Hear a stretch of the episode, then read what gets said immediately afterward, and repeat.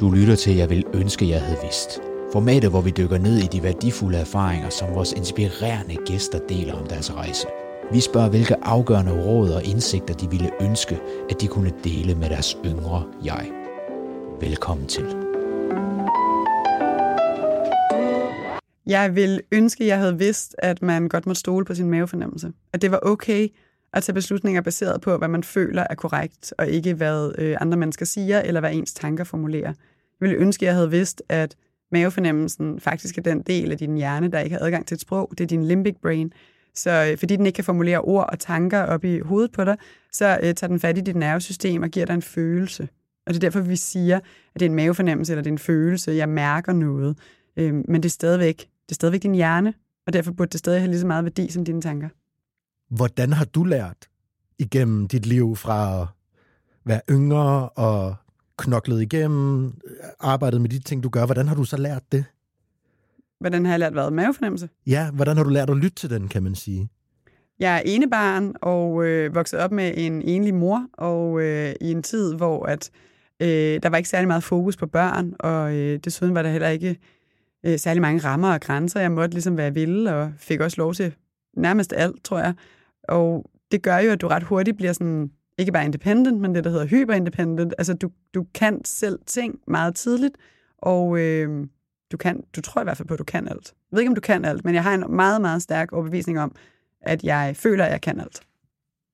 Og hvis øh, man kunne sige, at Frederikke, der sidder over for mig her, er cirka 40 år, hun skulle gå hen ligesom at lægge hånden på skulderen af Frederikke, der var yngre. Mm-hmm. Hvad vil du så have sagt til Frederikke der? Det bliver bedre. det var øh, hårdt for mig at vokse op. Jeg var altid udenfor. Ligegyldigt hvor jeg var, var jeg altid udenfor.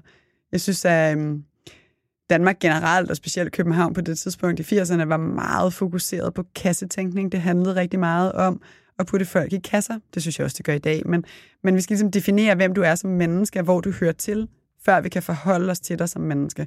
Og det er jo helt forfærdelig tankegang, hvis du spørger mig, fordi øhm, man på den måde sådan, altså, kører eller sådan, svære hen over alle de værdier, hver enkelt menneske har, fordi man bare sigter efter en kasse at putte dem i.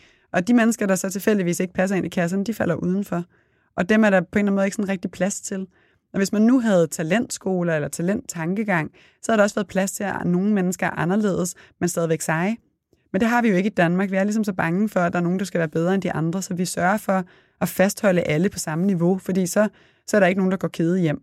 Og det synes jeg er for øh, umotiverende. Jeg synes, det er uambitiøst på et niveau, hvor vi nærmest smadrer det talent, der findes.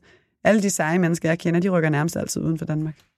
Så hvis man sidder derude, lytter med og tænker, sindssygt fedt øh, råd, og øh, de kan godt identificere sig med det, at øh, lytte efter mavefornemmelsen, men så kommer hjernen lige ind, og normerne og kulturen og alt det, vi får udefra. Er der noget, du øh, har lært at gøre i sådan en situation, hvor man kan slås lidt med, her er mavefornemmelsen, her er hjernen. Er der noget, man kan gøre i de situationer? Ja, altså nu er mavefornemmelsen jo en del af hjernen. Det ja. den del af hjernen, der ikke har adgang til et sprog, så det er jo stadig din hjerne. Den formulerer bare ikke en tanke, den formulerer en følelse. Øh, så de to skulle meget gerne kunne finde ud af at snakke sammen, eftersom de kommer samme sted fra. Og øh, hvad man gør, hvis man føler sig som en person, jeg plejer at sige, er en sekskant i en firkantet verden, og der er ligesom de andre ude på den anden side. Det, jeg ved virkelig ikke, hvad andre mennesker skal gøre. Øh, jeg gjorde det, jeg altid gik min vej, hvilket absolut ikke er den smarteste metode, men det virkede for mig. Så hvis ikke, hvis ikke der var noget, jeg synes, jeg kunne være i, eller finde mig selv i, så gik jeg. Øhm, eller så fandt jeg et koncept, der fik mig til at kunne gå.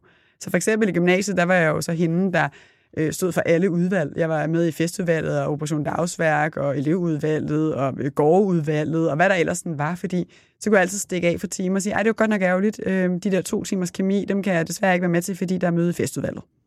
Og så fik jeg lavet et eller andet derovre. Så jeg har altid været enormt god til bare at gå. Jeg tror ikke, det er det råd, jeg nogensinde vil give andre mennesker. Men, men det, jeg måske vil give, er, at du under alle omstændigheder skal finde ro i, at du er god nok, som du er. Og du faktisk er rigtig fucking sej.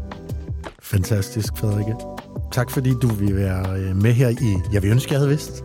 Ja, selv tak.